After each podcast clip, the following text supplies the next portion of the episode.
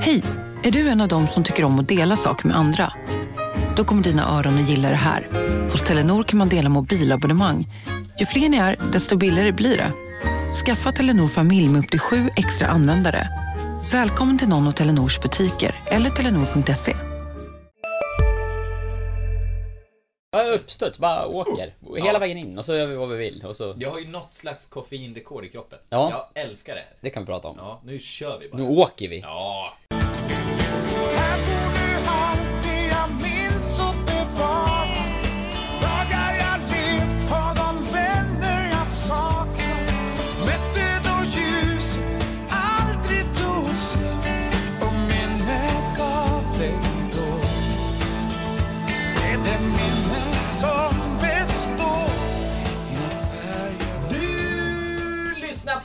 På GIF-podden med mig Lukas Alin Och med mig Oskar Lund! Oskar Lund! Det är koffeinrekord. Det är koffeinrekord. Jag har druckit, eh, druckit någon, någonstans, eh, någon, någon slags sån här grön, snabb eh, koffeinstinn dryck till eh, i morse vid fyra tiden. En sån här Jag kom in till jobbet vid sex.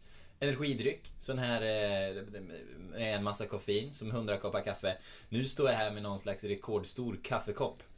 Eh, jag är- gillar, gillar mitt kaffe lite beige ändå. Så jag, Ja. jag eh, lite off-white. Så jag har ju manglat på med, med mjölken då. Men det är ju mycket kaffe i den här Det är det. Min är inte kolsvart heller, men ändå en mörkare nyans eh, på min kaffekopp. Eh, Också stor, en, Ja. lite av en balja. Verkligen. Så klockan är 20 över 8 och jag har nog fått i mig motsvarande kanske 8 koppar kaffe. Kul! Ja. Berätta varför. Eh, ja men man måste ju fira ändå. Eller gör man det? Jag, jag går på semester. Och ledig, pappaledighet. Fantastiskt. Så det här är ju, det här kommer ju lite som en chock då för eh, lyssnare. Eh, att jag då försvinner. Jag kommer Mm. inte spela in någon podd. Men vi har ju tagit in eh, en vikarie.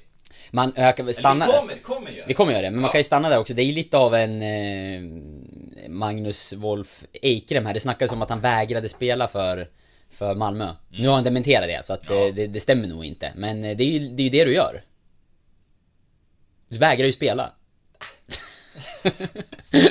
Nej, det, det är faktiskt rimligt. Du, du ska vara ledig. Ja, Jag tycker jag, det är rätt. Jag behöver vara med Men jag kommer sakna dig. Ja, men jag kommer sakna dig också. Och det känns ju jobbigt. Eh, vikarien som vi tar in, Mm. det är ju Petter Öhrling. Ja, det är det. Och han är ju... Det är det, han är ju en lite bättre version av mig hela tiden. Så jag tycker ju att det är jobbigt. Går han in nu och gör det bättre, sen kommer jag tillbaka, då och folk liksom kommer, kommer säga Vad fan, det var bättre med Petter. Så kommer det ju kännas. Vi brukar ju säga lite skämtsamt, han är ju gudfar till, till mina barn. Ja, det säger vi inte skämtsamt. Men han är gudfar till mina barn. Men vi brukar ju skämta om att, eh, om, om dagen då han bara drar iväg med, med Rosie. Och he- och lämna dig utan din familj. Ja, han tar Rosie och barnen. Borde, Som Mm. men... en eh, bättre make och Nej, nu, nu hade far. jag en märklig fråga på gång här. Jag tänkte, jag tänkte fråga om det vore värre om man drog iväg med GIF på den och lämnade kvar. Det hoppas jag att inte jag sa det som, han droppade ju som en bomb då sent i eh, onsdags kväll att eh, du, han frågade, du, kommer du på jobbet imorgon? Så jag, ja, ja, ja men det, det tror jag. Jaha, ja, för jag och Oskar tänkte spela in en GIF-podd tillsammans.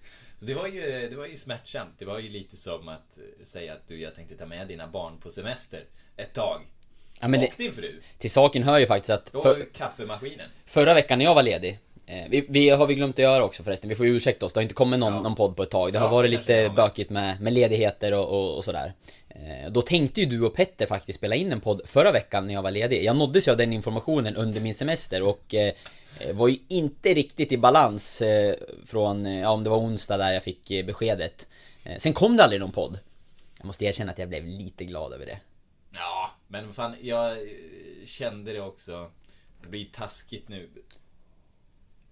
Mot, eh, mot Petter. Men det kändes, kändes ju lite... Det kändes ju taskigt mot dig att bara, bara, bara gå och göra podd sådär. Utan, och, utan förvarning. Det här, vi borde ha pratat igenom det. Men känner, du, för, för här eh, hamnar vi intressant som du säger, Petter ringde dig sent på kvällen liksom och, och försökte, Ja. eh, ja, mm, kastade ur sig att, att det var podd på gång som... Är det, har han förankrat det här hos dig? För att han har ju varit lite mellanhanden här. Han har liksom kommit till mig och sagt Du Lukas är borta här och ja, han och jag har pratat om att jag ska in i podden och så.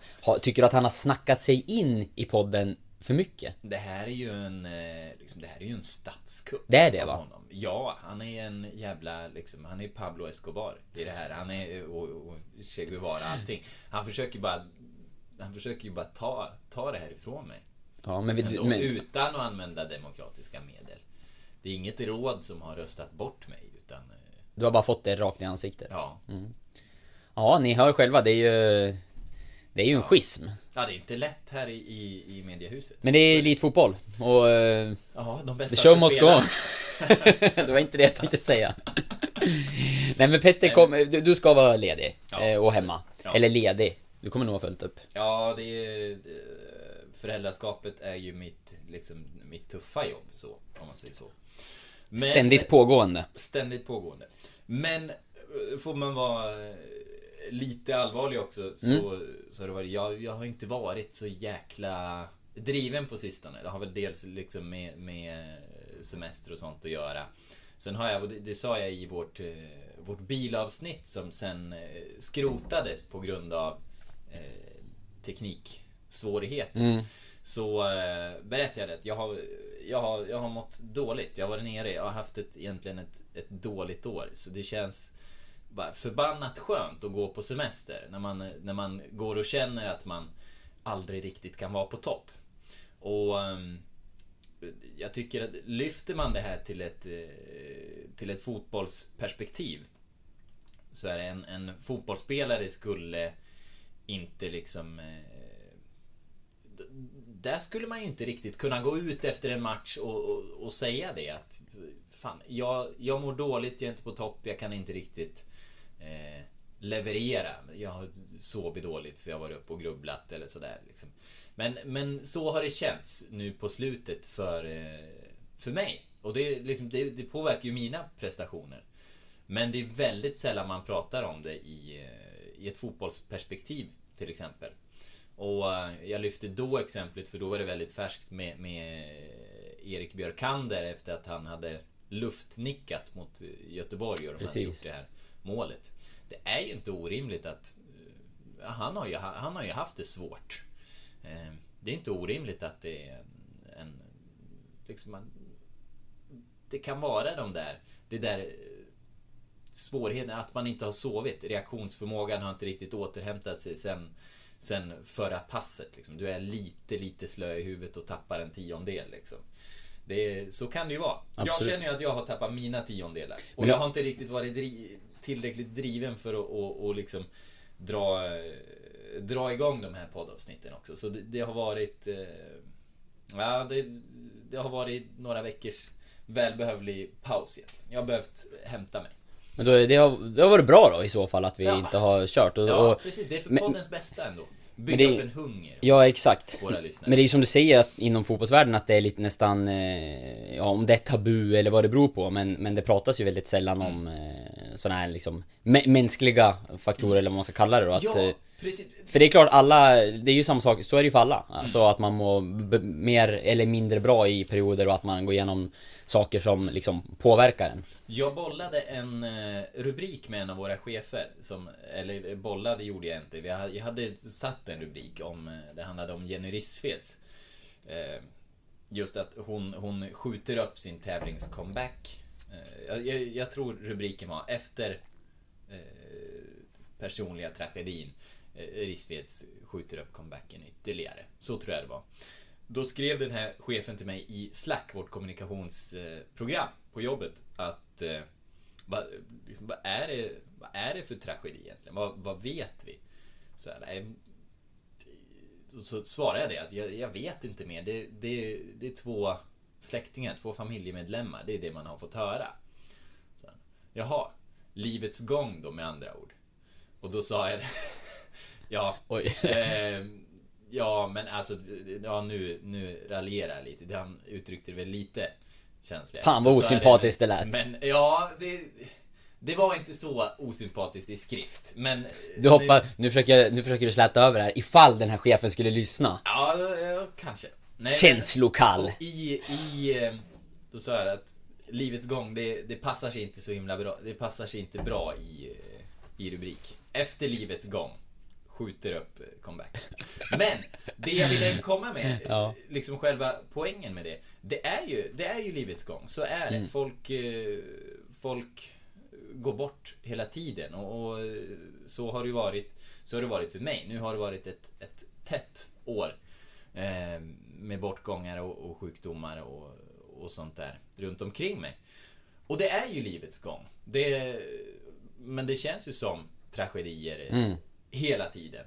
Så, eh, Och det är väl det också. ja. Alltså. Ja, och det är det. Men det är intressant i- med fallet Jenny Rissveds att, att hon så väldigt öppet talar om att jag kan liksom, jag, jag tar den här pausen för jag kan inte vara på topp nu. Då tycker jag inte att det är någon idé att tävla. Och, eh, och så kan det ju vara. Om du har det jobbigt på ett personligt plan och sen eh, på ett yrkesmässigt plan inte kan leverera där heller på grund av det personliga planet. Så kanske det är bättre att ta bort det. Förmodligen. Annars blir det Ja. den här onda spiralen Ja, liksom om så man... att Som, allt bara blir bort. det som du beskriver, att man känner att man inte kan vara på, på topp någonstans och så. Men det känns ju som att det där är kanske lättare vet jag inte men, men ja, lite enklare för en individuell idrottare om man liksom ska fortsätta koppla det till, till fotbollen och sådär att eh, För någonstans där blir det bara den individen som, som påverkas och oftast är de kanske egna företagare på ett annat sätt när det handlar om ekonomin. att svara inför. Exakt. det är svårare att komma till en klubbledning kanske. Jag, jag tror ju att, alltså, jag har ju svårt att tänka mig att eh, Självklart beroende på vad det handlar om, men eh, jag tror att det är lite tuffare för en lagidrottare att gå till, till sin sportchef eller klubbchef och säga liksom att Nej, men nu, nu vill inte jag spela på eh, några månader för, för nu har det här hänt eh, och, och jag pallar inte liksom.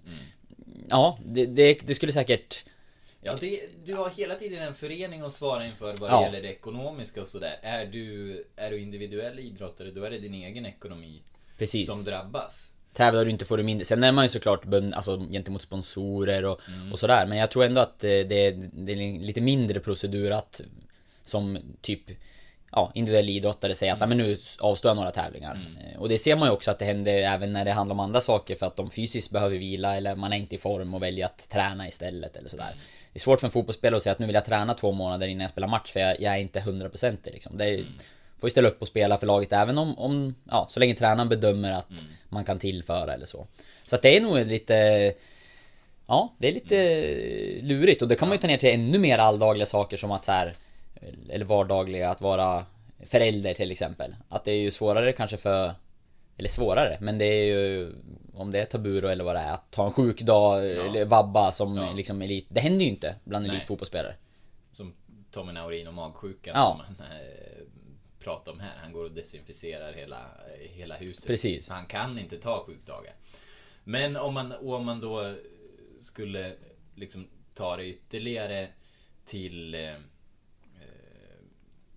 till fotboll så. Vi är ju ibland ganska hårda bedömare dessutom. Eh, och sånt här kan man ju inte, det går ju inte att ha med i beräkningarna. Men vi sätter ju betyg inom individuell idrott, då har du en tid Ja. att svara inför. Här, här får man betyg och, och, och liksom kommentarer om ens eh, prestation. Man kan ju undra då hur det är. Undra, undra hur ofta någon som, spelare som läser betygen tänker liksom, ja, om du bara visste. Liksom. Ehm, det, det där har man ju aldrig med utan det blir ju det blir ju bara en, en siffra på ett papper på det, Ja. på det sättet. Och en annan det- detalj, om man ska stanna vid, vid betygen, nu, nu hoppar jag från, till något annat då, men det är ju liksom Just när det gäller dem så är det ju egentligen så väldigt mycket som man skulle vilja väga in. Vad har direktiven till spelarna och vad är den person, man tycker att kanske att en ytterback fyller på för lite i offensiven. Ja, kanske har fått väldigt tydliga direktiv att eh, du ska inte över mittlinjen idag liksom.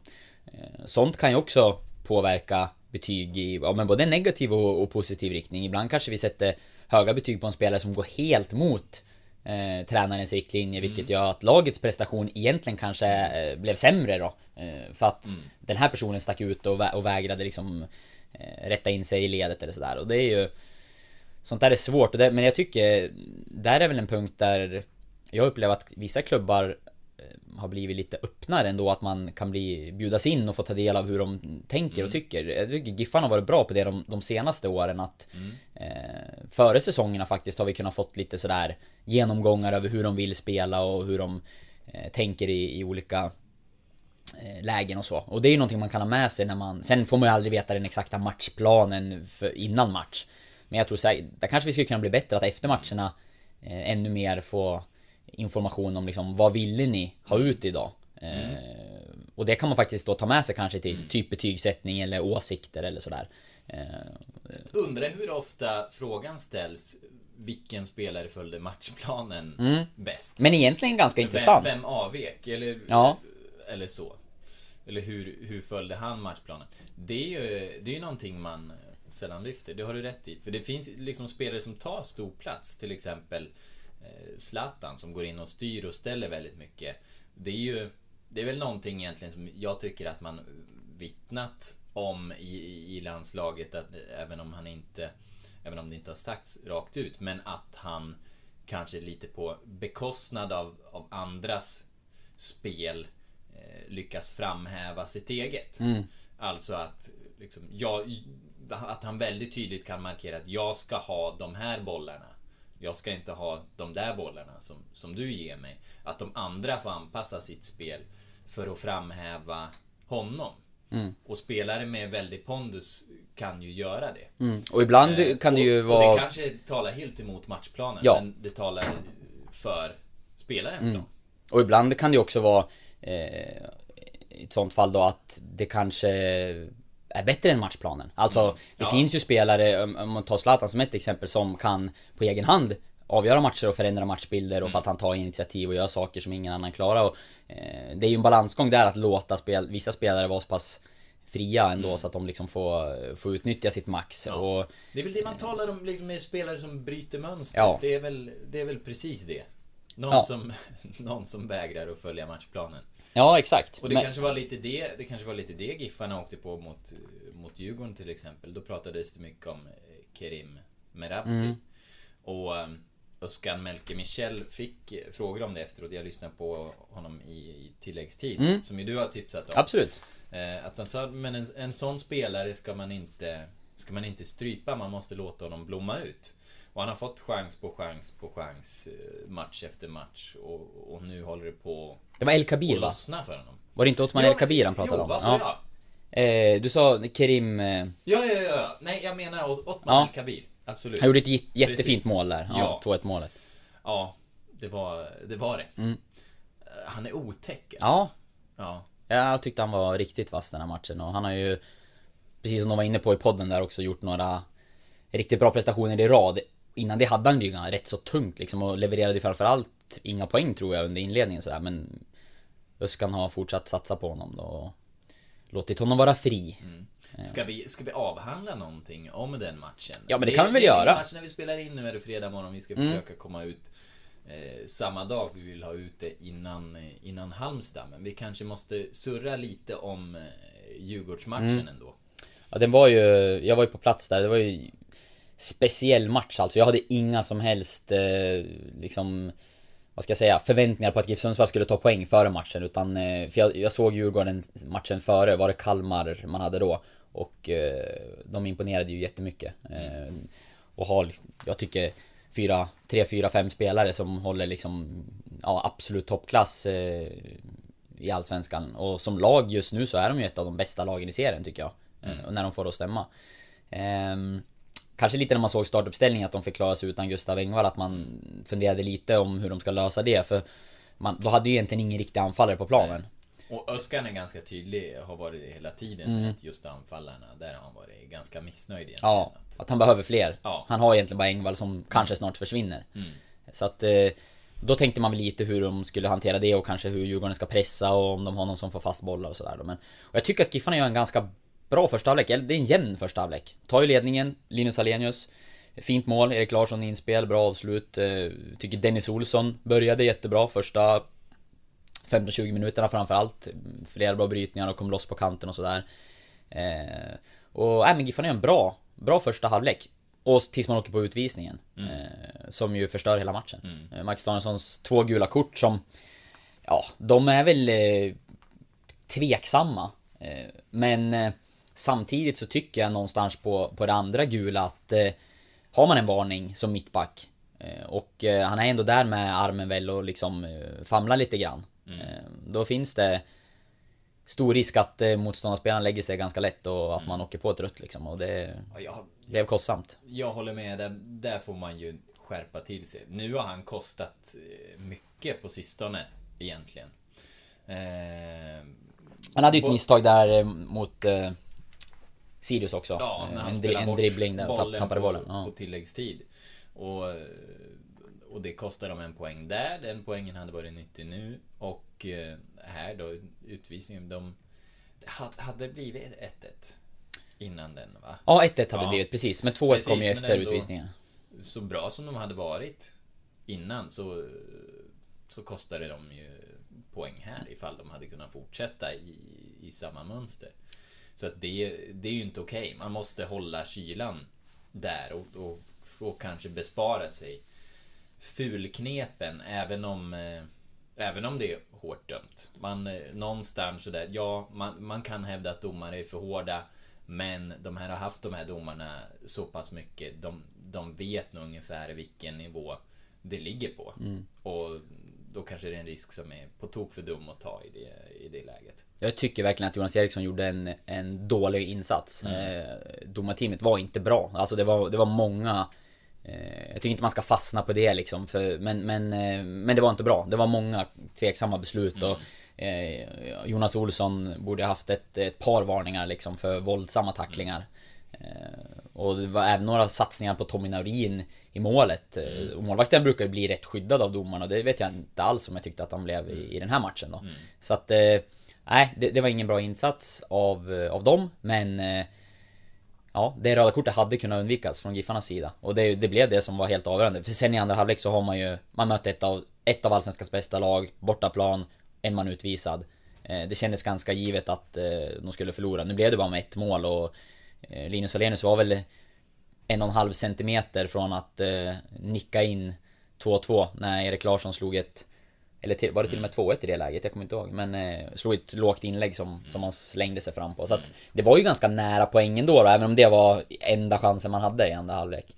Eh, så att eh, det är svårt att bedöma prestationen i sig med tanke på att utvisningen mm. känns, känns helt avgörande. Men jag tycker att första halvlek var relativt bra. Det enda som, som kändes spetsigt sen i andra, det var ju egentligen liksom, kommunikationsvägen mellan Larsson och Hallenius. Mm, det kom ju några någon sån boll. Ja. ja, nej men precis. Och det, det, var Tyvärr, allt annat blev slätstruket liksom. Men, eh, men eh, Det är kul att se Linus Hallenius nu. Han har, han har ju verkligen inte blivit strypt senaste matcherna efter att ha kanske blivit det ganska många matcher. Eh, så känns det ju som att den här spelaren kommer göra mål nu. Ja, det känns, och det som jag kan, det som känns lite liksom synd och tråkigt då för, för Giffarnas del är ju att eh, man har använt honom för lite under vårsäsongen. Mm. För det tycker jag är eh, väldigt tydligt. Mm. Alltså det, han har inte varit så här bra, kanske, i de tidigare matcherna. Men för, för mig har det hela tiden varit tydligt att han är den bästa anfallaren i truppen. Mm. Ända sen ja, försäsongen. Ja, det måste ju finnas ett mervärde i att satsa på det om det finns spetsegenskaper och, och, och få fram dem. För han har ju, jag tycker att han har någonting som Wilson inte har. Och, och eh, bara sättet som han eh, mot Sirius också satte press på eh, Wix i målet när mm. han höll på att dribbla. Det är liksom det är någon hunger som han har och att han kan ta det där slitjobbet i liksom en och en halv timme.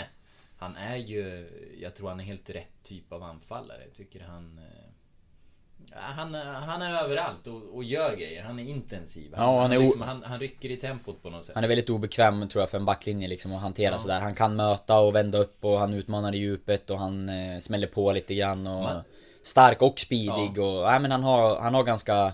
Eh, en jobbig spelare att möta. Sen ska man, man väl säga det också, han hade ju spelat mer under vårsäsongen ja. också om... Eh, ja, precis. Och det var ju premiären blev han pappa och skulle ha startat den matchen men gjorde det inte på grund av det. Mm. Eh, sen Hammarby borta skulle han ha startat. Fick känningar in vad, var tvungen att sitta på bänken 90 minuter. Så att det har ju funnits anledning till att han hamnade utanför. Men, men det har också funnits tillfällen då han borde ha fått starta eh, igen. Så att... Nej, han har använts för lite. Men eh, nu, är, nu är, måste han ju vara helt given om det Ja. inte kommer flera, flera dåliga prestationer i rad.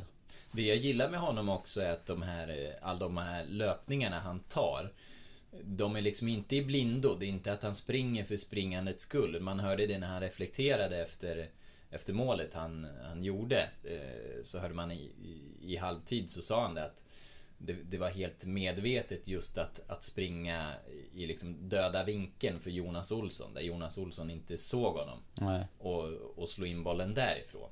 Utan han, han vet precis hur han ska förhålla sig. Det, det, är liksom, det är en smart anfallare på det sättet. Och eh, jag vet inte, jag, jag ska inte... eh, Där, där har jag ingen åsikt om, om Peter Wilson. Där tycker jag man känner honom för dåligt. Han har inte varit på den här nivån liksom tillräckligt länge. Eh, Så där vet jag inte hur han är, men det är ju också någonting med rutinen. Att Hallenius har haft sina år på elitnivå för att lära sig det här. Mm, säkert. Jag hade tyckt att det var ganska intressant att se dem tillsammans. Eh, som det var tanken lite grann på, på försäsongen. Då skulle spelade man ju med två anfallare. Eh, mer än 3-5-2 uppställning. Eh, och och eh, att kunna spela med, med Hallenius och, Wilson ihop då där, där, eh, Hallenius kunde vara den spelaren som ibland mötte och vände upp medans, eh, och, även om de kunde växeldra då, men kanske Wilson lite tydligare i djupledsroll då. Det hade varit spännande att se, men där blev ju problemet att i de här första 3-4 omgångarna så blev Giffarna för ihåliga på mitten och åkte på en massa omställningar så man ville liksom balansera upp det med två tydliga centrala mittfältare. Eh, och den delen blev ju bättre också så att det var väl säkert Det kändes som rätt förändring då. Eh, men eh, Ja, i delar av matcher kanske att man liksom Om man behöver göra mål att man vrider om det här systemet igen då till att det blir två forwards och Jag håller med, för jag tycker att de, de här rollerna, de, de här liksom... Nu kallar jag det blindtarmar, det ska jag inte göra, men... Men... eh, Inter... Positionerna som, som eh, Morsey och, och Sigurdsson har bakom Hallenius, där tycker jag att de försvinner. Ja, jag håller med. Fast eh, Morsey tycker jag kan, kan liksom blixtra till ibland. Eh, jag tror att det finns ändå någon, någon kvalitet i längden där som, som kan komma fram. Men det känns som att positionen inte passar dem riktigt. Jag vet inte, är, de, är, de, är den luddig? Jag vet inte, men det, de syns ju inte. Nej, jag håller- jag tycker Vi ser dem precis. inte i matcherna. Har man råd att ha två positioner som inte, som inte används? Nej jag håller med till... Jag håller med helt. Jag, jag tycker också att en sån som Jonathan Morsey som du ser på träning göra saker som nä, nästan ingen annan i Mm. Giffarnas lag kan göra. Alltså han har en jättepotential, tycker jag. Mm. Och försäsongen tyckte jag att han såg jätteintressant ut och... Eh, ja men verkligen en framtidsspelare som... Jag tror jättemycket på honom. Eh, han har... Han har väldigt många egenskaper. Men det känns som att man eh, just nu inte får ut dem speciellt mycket Nej. och att han kanske inte får möjligheten då heller. Eh, Egentligen i grunden känns det ju som en position som borde passa honom rätt så bra. Liksom inte en renodlad forward utan ligga där bakom och kunna komma ner och hämta lite boll och vara lite på kanten och skära in och sådär. Men jag håller med dig att de som har spelat i de här positionerna har inte varit så speciellt involverade i spelet. Det har varit ganska mycket ytterback eller yttermittfältare då, eh, vad man ska kalla dem, som har kommit fram och, och slagit inlägg och sådär. Det har varit mycket boll på det centrala mittfältet såklart. Eh, Smile Söljevic eh, som, som styr mycket av spelet. Hade för övrigt, det var väl Smile som slog den här riktigt fina bollen till Erik Larsson innan 1-0 målet mot Djurgården. Eh, Hade några riktigt bra bollar där tidigt i matchen tycker jag. Eh, Så att de, de har inte kommit med så så mycket i spelet helt enkelt. Och det kan nog vara en positionsfråga. Man kanske skulle behöva skruva lite på det där. Säg inte att man ska byta system helt nu, för det har man bytt en gång under säsongen. Men eh, någonstans vrida lite grann då kanske i eh, arbetsuppgifterna och, och rollbeskrivningen för att få, få ut mer av de här. Eh, jag, jag propagerar ju för, för en ändring inför matchen imorgon lördag då. Och det är ju att eh, Romain Gall måste få starta. Ja. Eh, och jag tycker att det ska vara på... Berätta mer. Nej men som jag känner nu så är det på Christian Frey Sigurdssons bekostnad. För jag, han, tack, jag eh, han har ju inte, som du säger, heller varit liksom involverad speciellt mycket. Och eh, jag tycker att Gal de gånger han har kommit in och att han har Han har brutit mönster, han har tagit tag i bollen, han har satt upp passningar.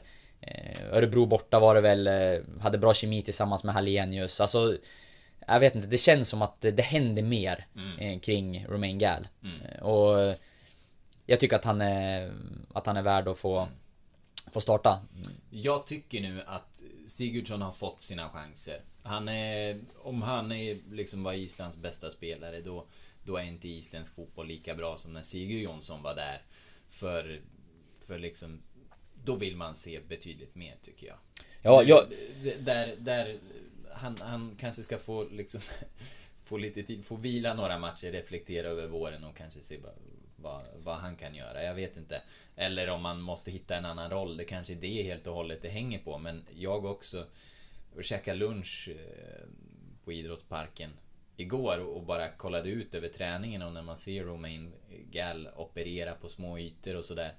Det, det är en sån liksom kvickhet som, som skulle vara fin att få in och, och se vad den kan göra om man, om man får honom att känna sig bekväm i en position. Jag tror att han, eh, liksom Morre, mår bra av att få sånt här Ottman El Kabir förtroende. Eh, Det tror jag. Det, det tror jag är ju spelare som, som kan växa. Ja absolut och jag var på eh, träningen igår också eh, och eh, då spelade man en del mindre spel med om man var sex spelare per lag typ då och spelade på en liksom mindre yta. Eh, där var Gal och Morre tillsammans i samma lag. Eh, ja, man försöker ju alltid liksom luska när man ser hur de sätter ihop de här lagen även om det är mindre spel och försöka hitta något mönster liksom. Eh, och om jag såg något mönster då, man, så, så var det väl ändå att de två spelade tillsammans där, vilket kanske kan tyda på någonting. Eh, för, för, det det, gör. för det fanns lite andra tendenser också som jag, jag ska inte avslöja allt men, men eh, jag tyckte att jag såg några. Avslöja allt. Ska jag göra det? Ja, Ja nej men alltså mi, mi, nej, men min känsla när jag såg det där det var ju liksom att, att start eh, skulle bli eh, Nu tränade inte Erik Burkander På grund av ljums, känning ljumsken men, men eh, det var ju att Myrestam eh, Som jag antar kanske ska gå lite till vänster i en, en treback Var mycket med Dennis Olsson som ju i så fall går utanför honom Noah Sonko Sömberg var tillsammans med Erik Larsson som Noah borde gå till höger om man ändrar om nu då när Danielsson är borta Och eh, Larsson utanför honom. Morre, Gal fanns tillsammans. Nej, jag vet inte. Smile, Gerson i samma lag. Alltså det... men om både Dan... Eh, eh, jag, jag tappade lite, men, men om både Danielsson... Om Danielsson är avstängd och Björkander är skadad, vad, vad tror du händer? Jag räknade ju med att Björkander skulle spela när jag Ja. satt och funderade kring Ja. det här. Då såg jag framför mig att det skulle bli Myrestam, eh, Björkander, Sonko Sundberg, Mm. Larsson Olsson, Gerson, Smile, eh, Morre, Gal och Hallenius. Det, Mm. det var den elvan jag liksom... Dels utifrån vad jag själv eh, tyckte och tänkte och trodde Mm. kunde vara troligt och så lite sådär vilka som matchas med vilka. Och det är ju bara alltså spekulation. Det har man ju... För, mest, Fast spekulationer utifrån spelet Ja, jo men ja. någonstans försökte jag underbygga det då. Men det var väl också den elvan jag själv hade satt ihop. Så att eh, jag kanske letade tecken för att få den bekräftad. Ja men det kanske känns eh, lite skönt då att han lyssnar på dig. Ja, men vi får väl se. Men, men... Eh, nej, om, om Björkander är borta så blir det ju lurigare. Och, och då har vi ju ytterligare liksom en brasklapp in i det här. Mm. Jag måste pausa förresten. Det jag skulle säga var ju att Morre och Gal tillsammans då Ja, såg väldigt bra ut. De Ja. hade fler, jag, jag skrev det i live-rapporten också. De hade flera liksom, fina kombinationer och eh, som du säger, små ytor, one-touch-spel och allt sånt där. Det såg, eh, men det såg lovande ut. Eh, fortsätter med elvan. Om Björkander är borta Mm. så blir det lite lurigt. Och det finns ytterligare en del och det är ju att Batanero och Carlos Moros Gracia kan Mm. bli spelklara. Kanske får vi besked idag på fre- under fredagen. Troligast nog imorgon, lördag. Men Giffarna jobbar hårt för att liksom hitta en, en blixtlösning här och få till det.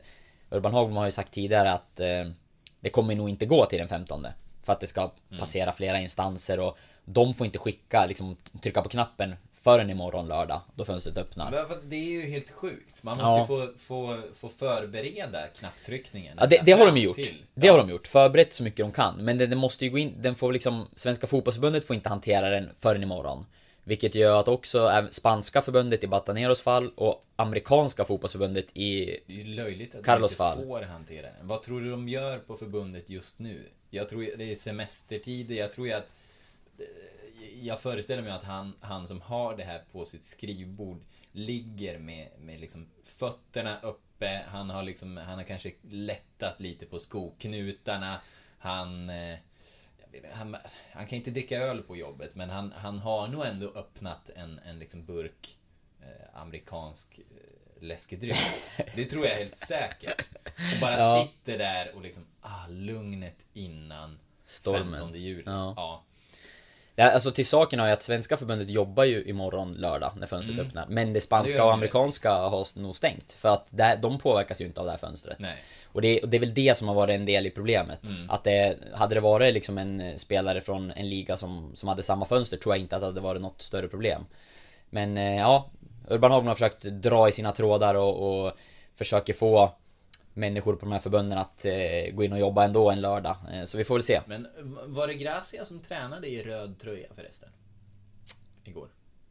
Det, En spelare på planen hade röd tröja. det tror jag inte. Det var inget jag reflekterade över i alla fall. Eh, jag har sett honom lite för lite vid ansikte för att vara säker och såg det på långt håll.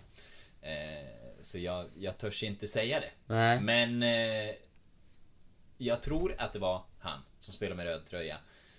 Varför Varför har man röd tröja på en GIF Sundsvall-träning? Ja, jag, det, Jag också sett jag reflekterade inte över det. röd tröja. Varför ska de ha knallröda tränings... De har ju en del röda Ja, ja, ställ, alltså GIF-ställ väldigt liksom. oklart. Mm. Och varför ska en spelare ställa upp i rött? Jag tänker att det är en... eh, Man vill skicka någon signal. Är du säker på det? Rör inte honom, han är spelaktuell. Kanske. Kan, Ja. kan det vara så? Nu spekulerar vi. Ja, Nej, jag, jag, jag, illa märk, jag tänkte inte på det. Så, Nej. men det kanske han gjorde. Jaha. Eh, Du men tänkte inte på liksom fåret som... Nej, och därför känns det... Vad, hade han verkligen det? Ja, en, en, en kille hade En målvakt en kanske? kille hade De, de hade, det var en extra, det var en juniormålvakt med också på träningen. Ja, kanske så. var det. Eh, men nej, men jag tror inte att eh, Gracia kommer starta ändå faktiskt. Men det rör ju till det lite därför att skulle Batanero kunna starta Mm. Då tror jag att ett alternativ kan vara att eh, ta ner Lars Gerson på mittbacksroll. Mm. Där har han ju spelat tidigare faktiskt. Dels Malmö borta i en halvlek och eh, ja, så Du som tror han inte att man liksom plockar... Vi är specialister på det vi gör, precis som du. Därför försäkrar vi på Swedea bara småföretag, som ditt. För oss är små företag alltid större än stora och vår företagsförsäkring anpassar sig helt efter firmans förutsättningar.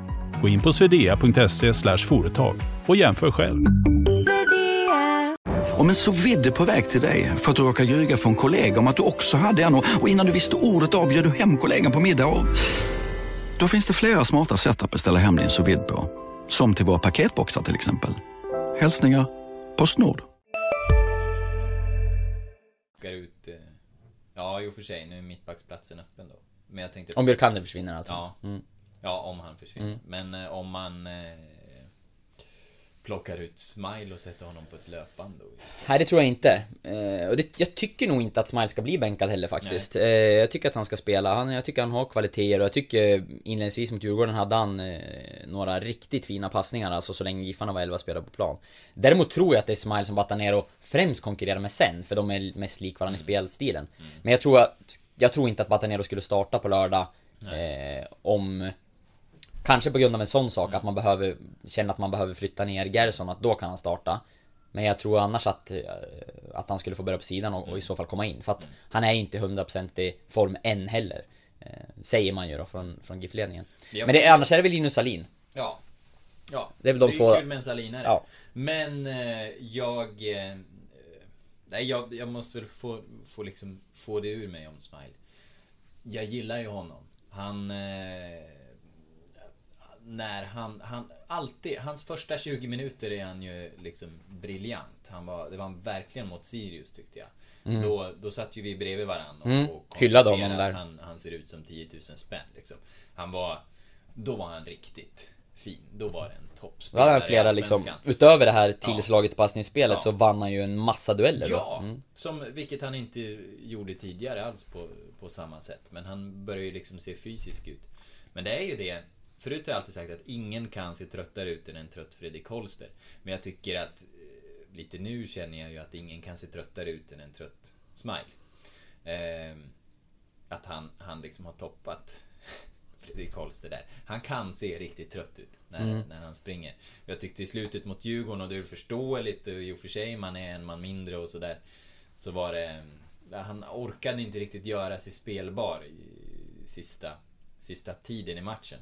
Och Å ena sidan, helt logiskt, å andra sidan, även om hans fysik blir bättre och bättre så är han inte riktigt, eh, inte riktigt där än. Det som jag tycker är lite fysiskt är lite oroväckande, det är ju hur hela GIF Sundsvall eh, kollapsade mot Sirius.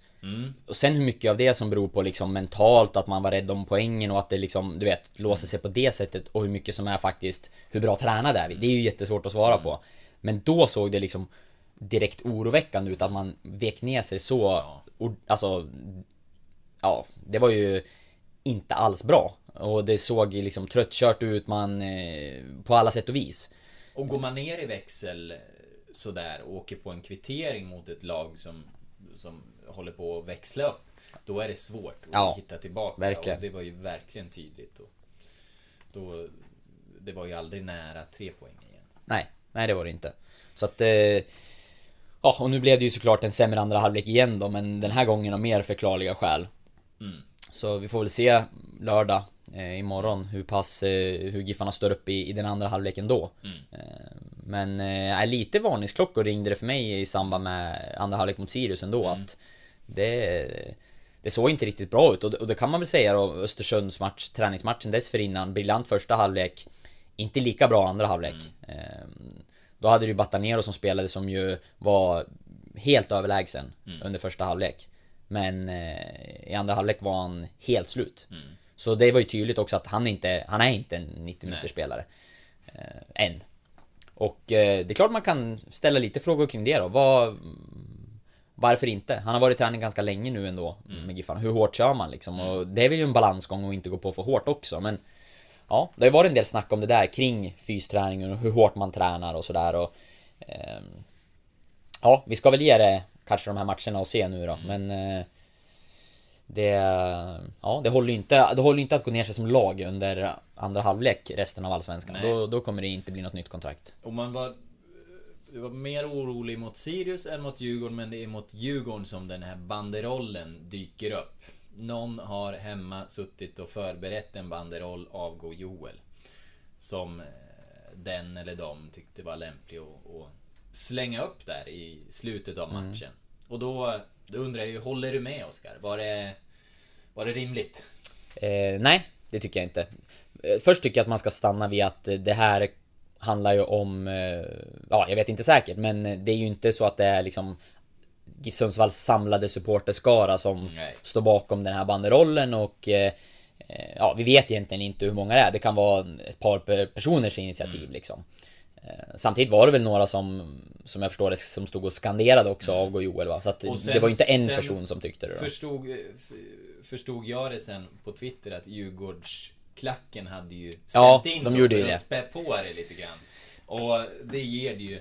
Alltså det fick ju väldigt stora proportioner. Mm, jag satt Även ju- om det bara är två personer så har de ju verkligen fått genomslag ändå för den åsikten och fått folk att reflektera över den. Ja, nej men så, så är det ju. Och det, det jag tycker är väl att eh, jag tycker tajmingen är eh, konstig. Eh, för att eh, Djurgården, när man åker, det här var ju såklart en planerad grej då. Man har ju med sig den här banderollen och så. Så man, det, man antar att det var förutbestämt att torskar vi den här matchen då, då slänger vi upp banderollen. För vid en vinst antar jag att eh, man inte hade gjort den. För det hade ju varit mer eller mindre, ja, man hade inte framstått som så begåvad om man hade slängt fram en avgå Joel eh, banderoll efter skrällseger borta mot eh, ett av Allsvenskans bästa lag. Eh, Men eh, så att det var ju planerat och då i min värld så eh, borde man kanske ha tänkt till innan matchen att okej, vad är det för vad är det för match nu? Vad är det för signaler vi sänder om vi slänger upp den här banderollen eh, som det nu blev då efter en uddamålsförlust med en man mindre i drygt en halv match borta mot Djurgården. Eh, Det är konstig timing. Jag förstår frustrationen. Giffarna har förlorat, det är fem raka matcher nu va. Eh, Och eh, Joel Sergen har ett, ett eh, svagt facit som, som ensam huvudtränare sett till segrar. Vi kollade lite på det nu innan och det är väl tre vinster på eh, 22 matcher eller vad vi kom fram till. Sen han tog över som ensam huvudansvarig eh, förra hösten. Och det är inte bra.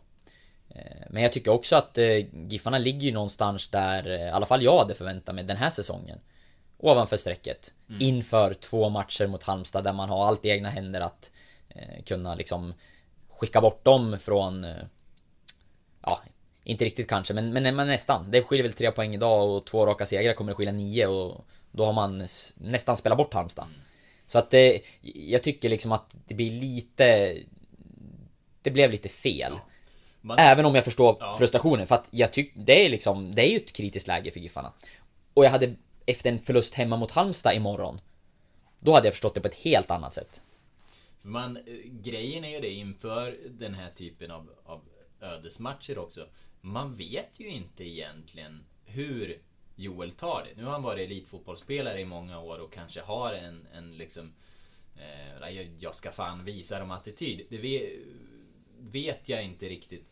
Men han skulle ju kunna ta det på ett helt annat sätt. Och om man, om man ska gå tillbaka eh, till det vi pratade i början om att eh, må dåligt som fotbollsspelare.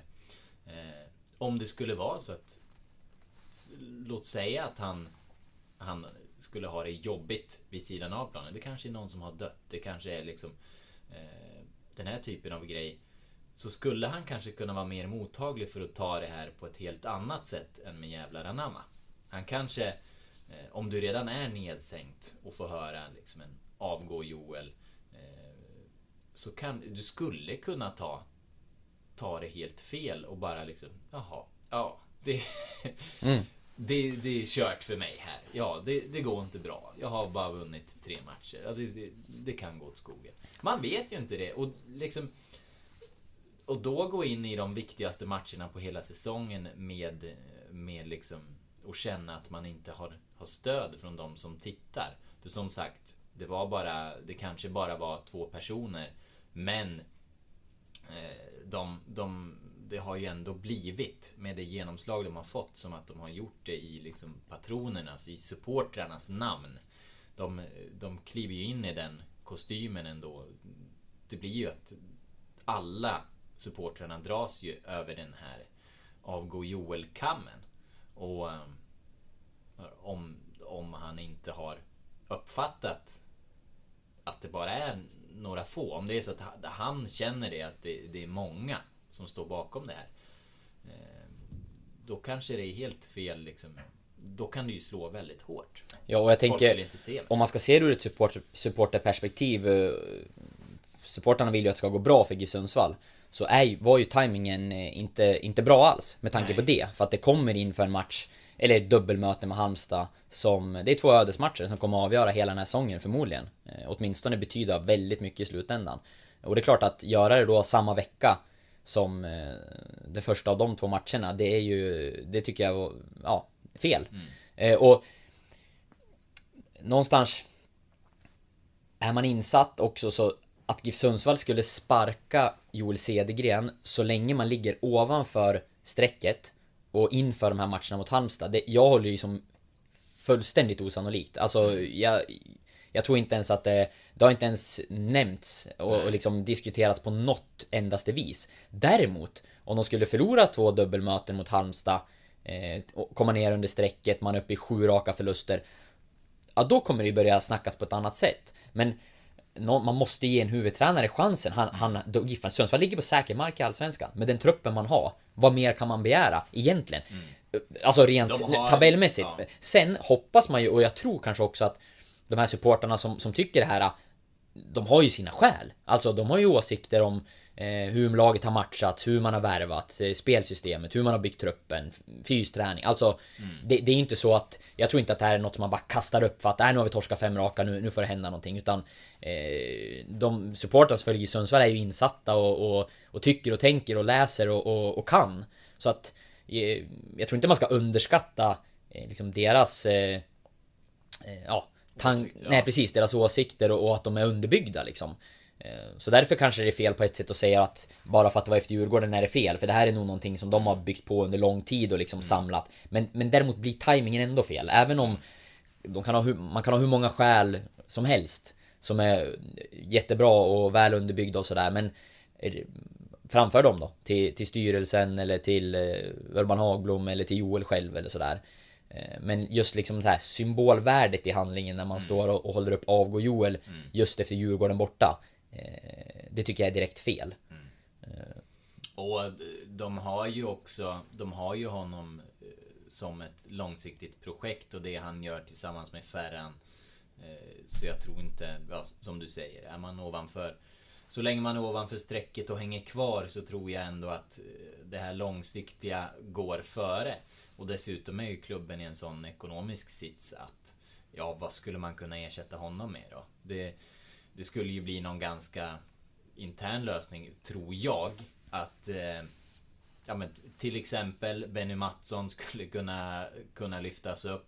Eh, som inte har tränat på den nivån tidigare.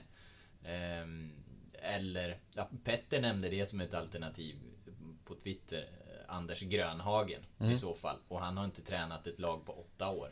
Jag vet inte, är det det man vill ersätta med? Tror man att det... Då byter man ju för bytandets skull. Ja, och jag, jag, jag tror att och, och det det... låter, så impulsiva tror jag inte att vi kommer se GIF Sundsvall för de har inte råd att vara impulsiva. Det tror jag det kan nog kosta ännu mer. Ja, jag tycker, och jag tycker inte att man, eh, att man ska vara det heller. Det, det är som du säger, förmodligen en intern lösning eller någon sån Kanske äldre rutinerad tränare som, som liksom brinner för Giffarna som skulle kunna tänka sig att gå in och, och köra en höst liksom. Eh, Perra Jonsson typ. Ja, en, eh, jag vet inte, en Anders, eh, en Anders Högman Ja. lösning sådär Ja. liksom. Det, det, är väl, det är väl åt det hållet. Och... Han är ju brandman också precis som Perra Jonsson. Mm, han kan rycka ut. Ja. Nej men, eh, nej jag tycker... Min personliga åsikt, det är att eh, det finns mycket som kan bli bättre eh, i GIF Sundsvalls A-lag och att man... Eh, att det finns saker att skruva på. Men jag tycker inte att ett tränarbyte är det som behövs här idag.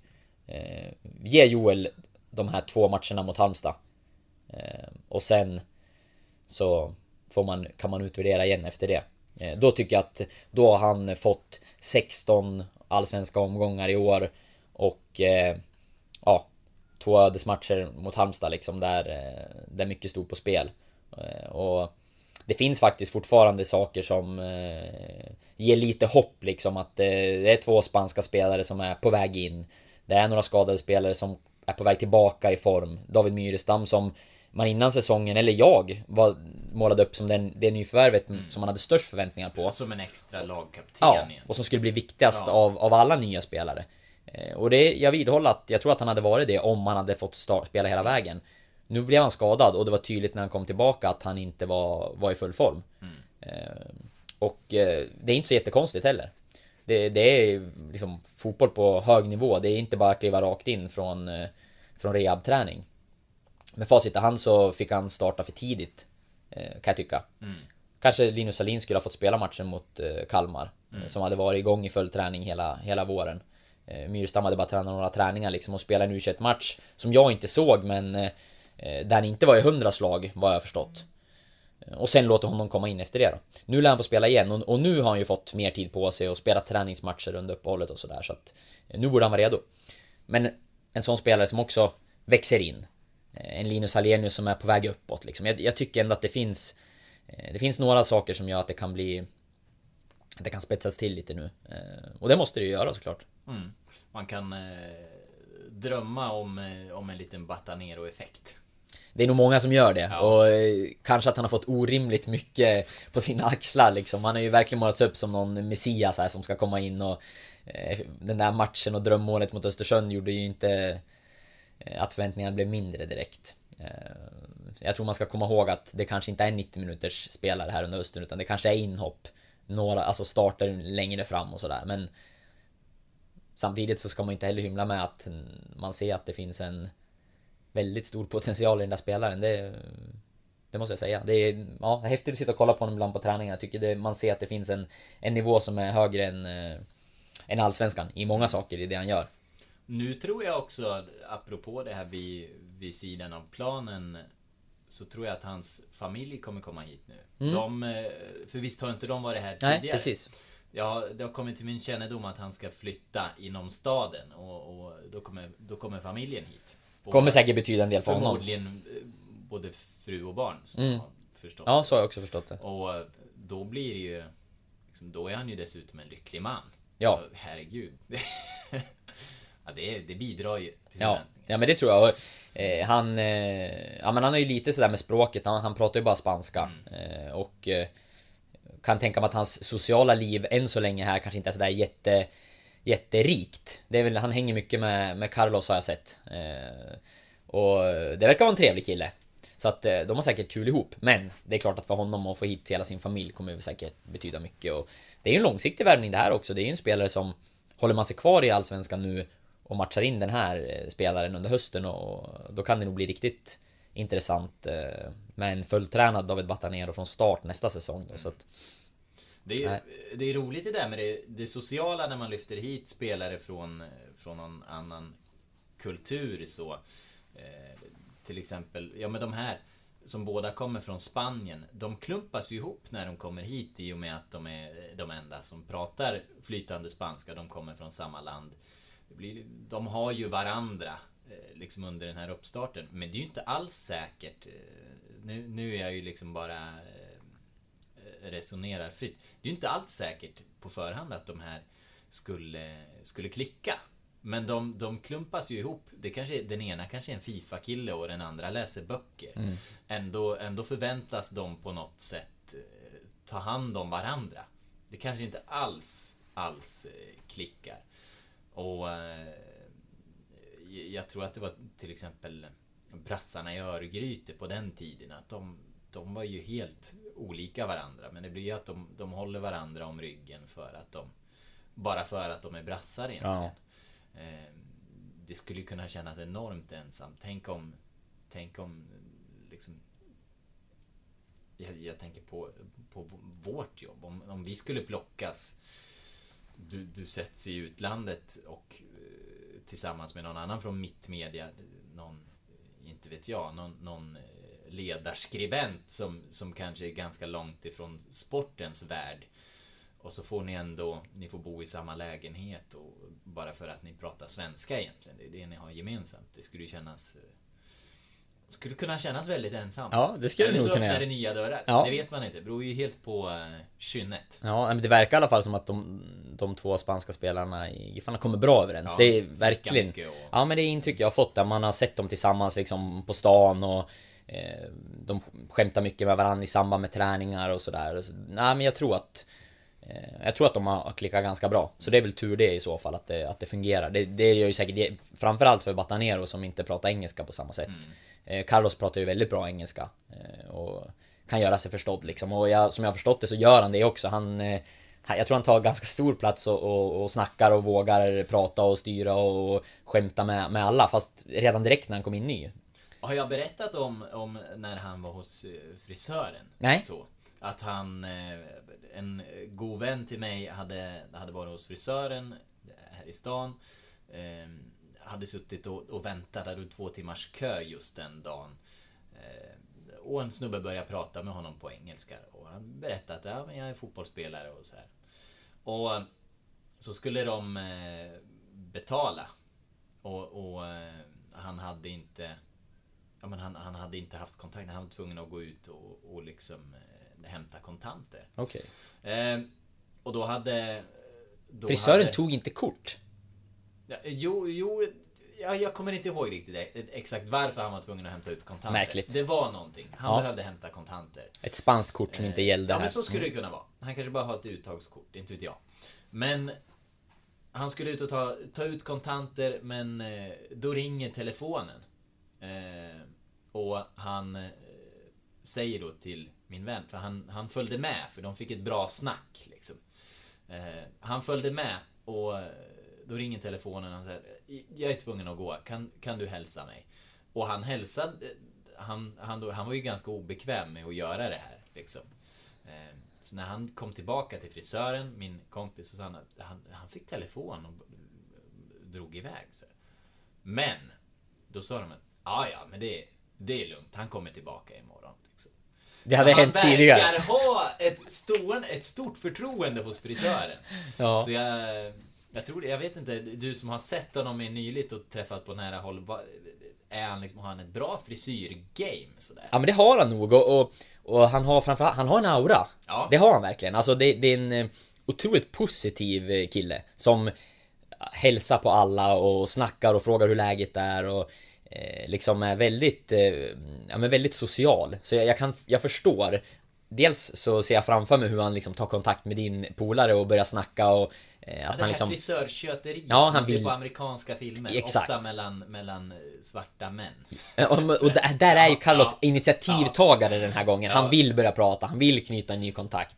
Och förmodligen har han ju klippt sig några gånger här då. Och de har lärt sig att så här, ja men han kommer, eh, han kanske kommer in och sitter, jag kan tänka mig att han hänger där på dagarna. Kommer in, tar en kopp kaffe, lär känna lite nytt folk. Köper nytt vax kanske. Och sen går han vidare och så här. Då, ja, men, man litar nog på honom också. Han känns inte som typen som smiter från en eh, från en eh, Frisörnota, frisörnota. nej. Jag, jag tror att liksom Han är men han, Sen kanske lite manjana, ja, ja. Men det kan jag betala imorgon, det är inga problem.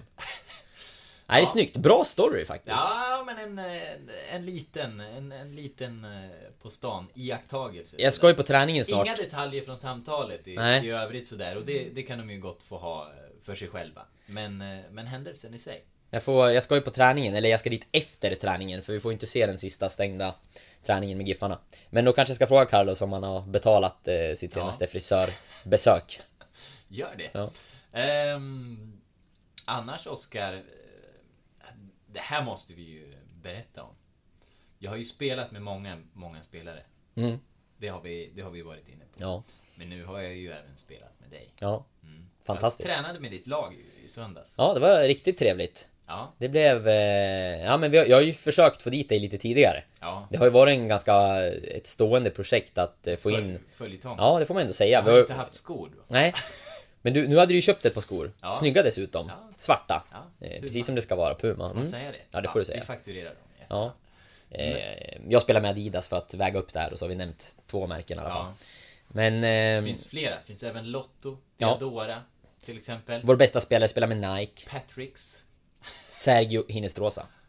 Ja, ja okej. Han var inte där. Nej, han var inte där. Nej. Vilken anfallare.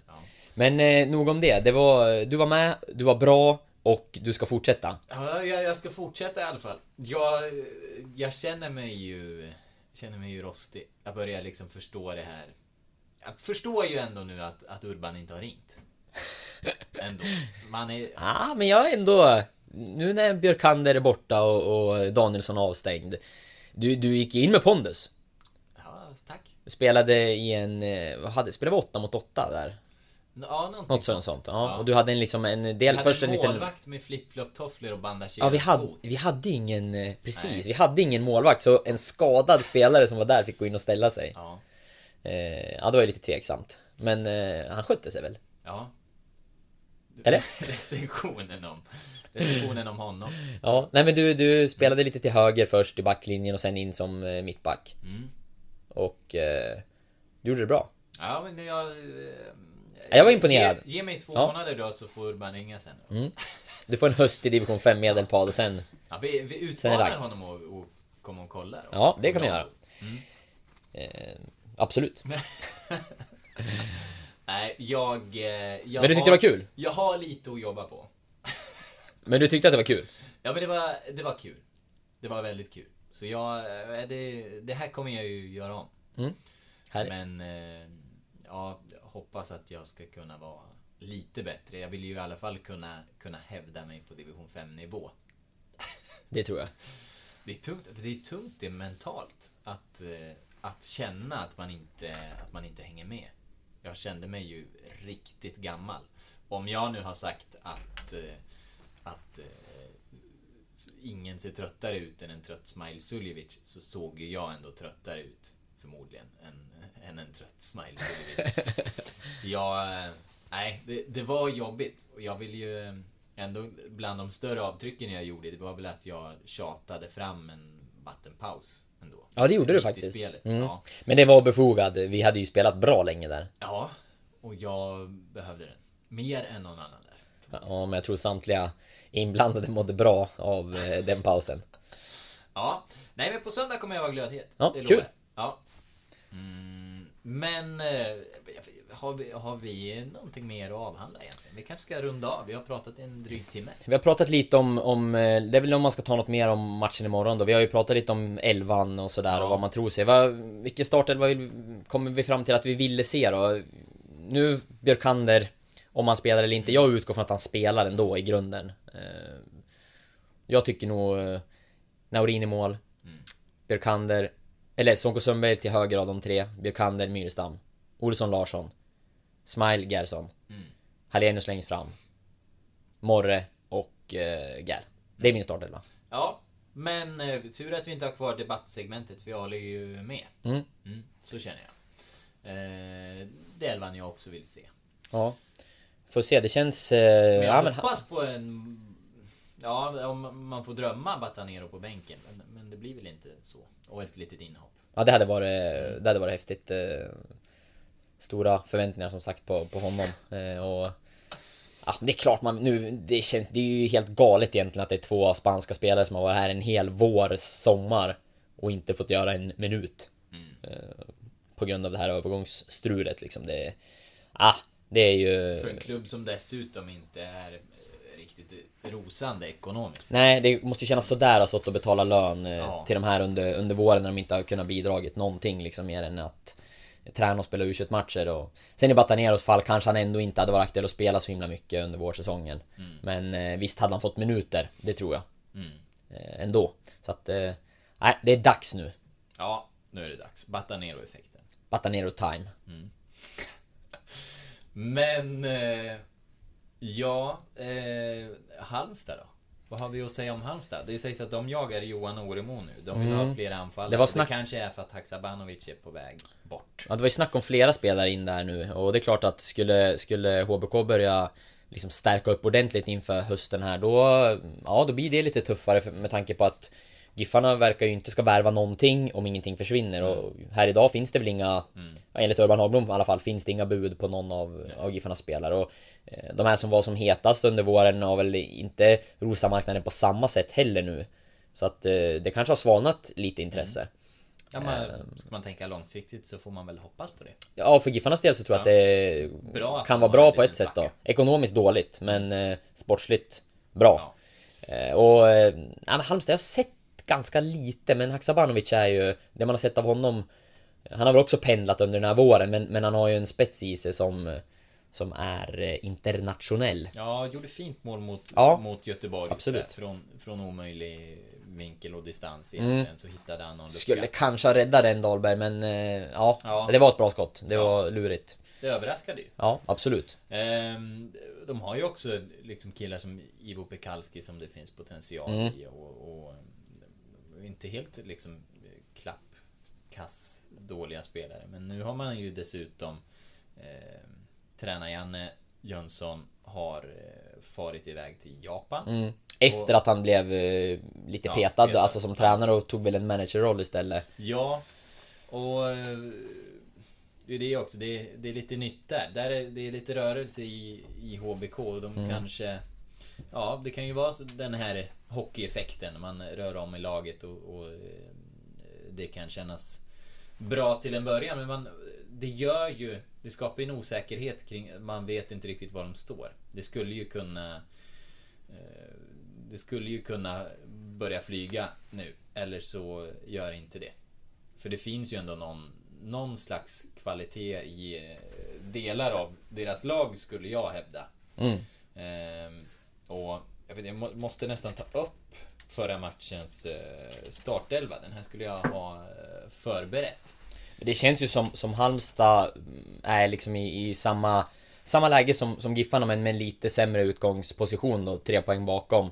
Eh, Det kommer två matcher nu som, som kommer liksom visa vägen. Vad, vad blir det här för säsong?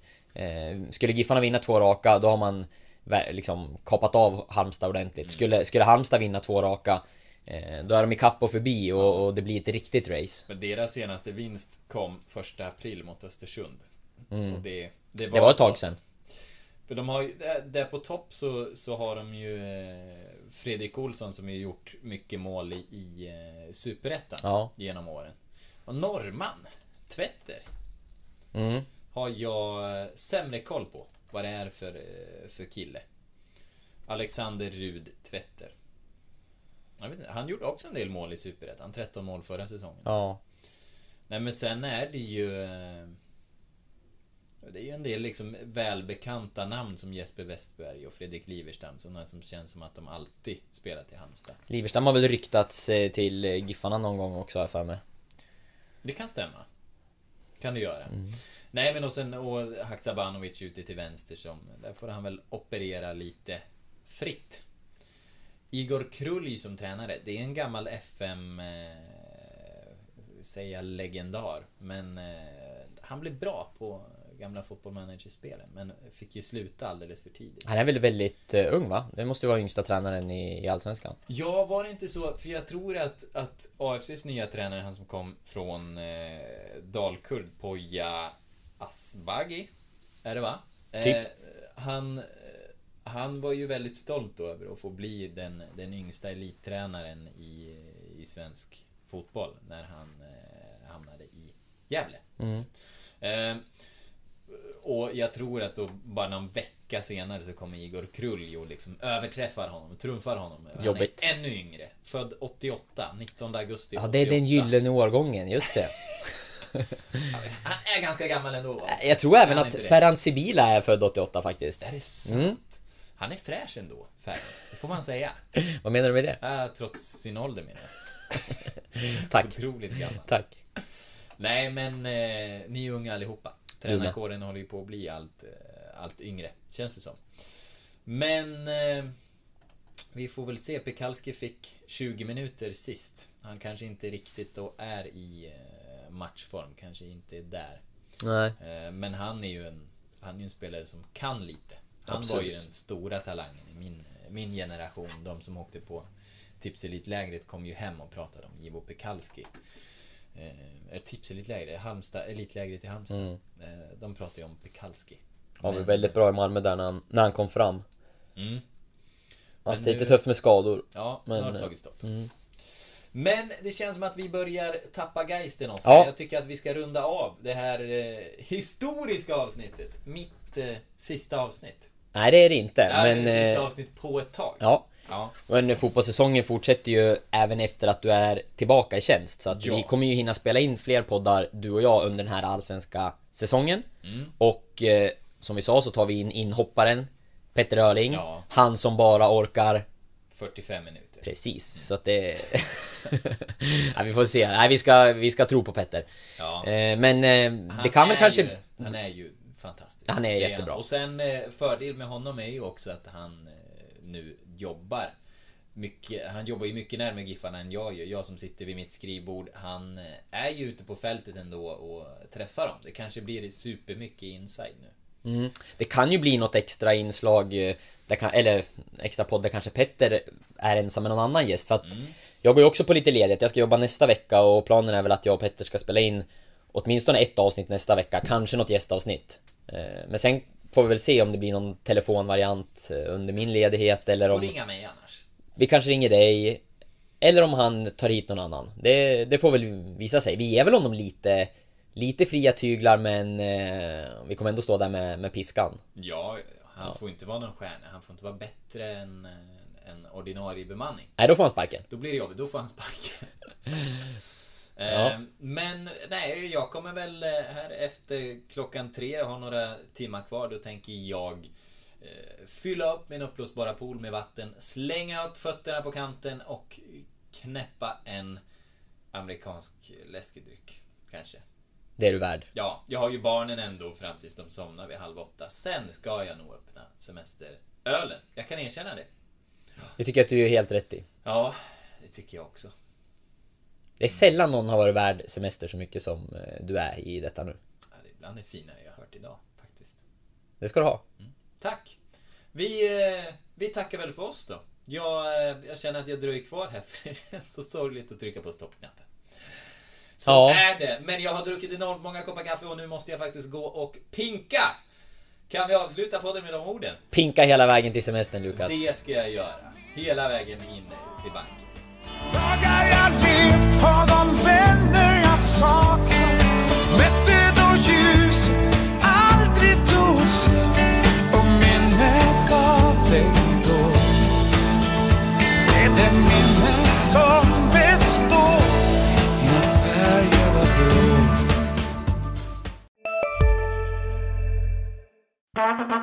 Det där var för att uppmärksamma er på att McDonalds nu ger fina deals i sin app till alla som slänger sin takeaway förpackning på rätt ställe. Även om skräpet kommer från andra snabbmatsrestauranger som exempelvis Ma... Eller till exempel Burger... Var du än är och vad du än gör så kan din dag alldeles strax bli lite hetare. För nu är Spicy Chicken McNuggets äntligen tillbaka på McDonalds. En riktigt het comeback för alla som har längtat.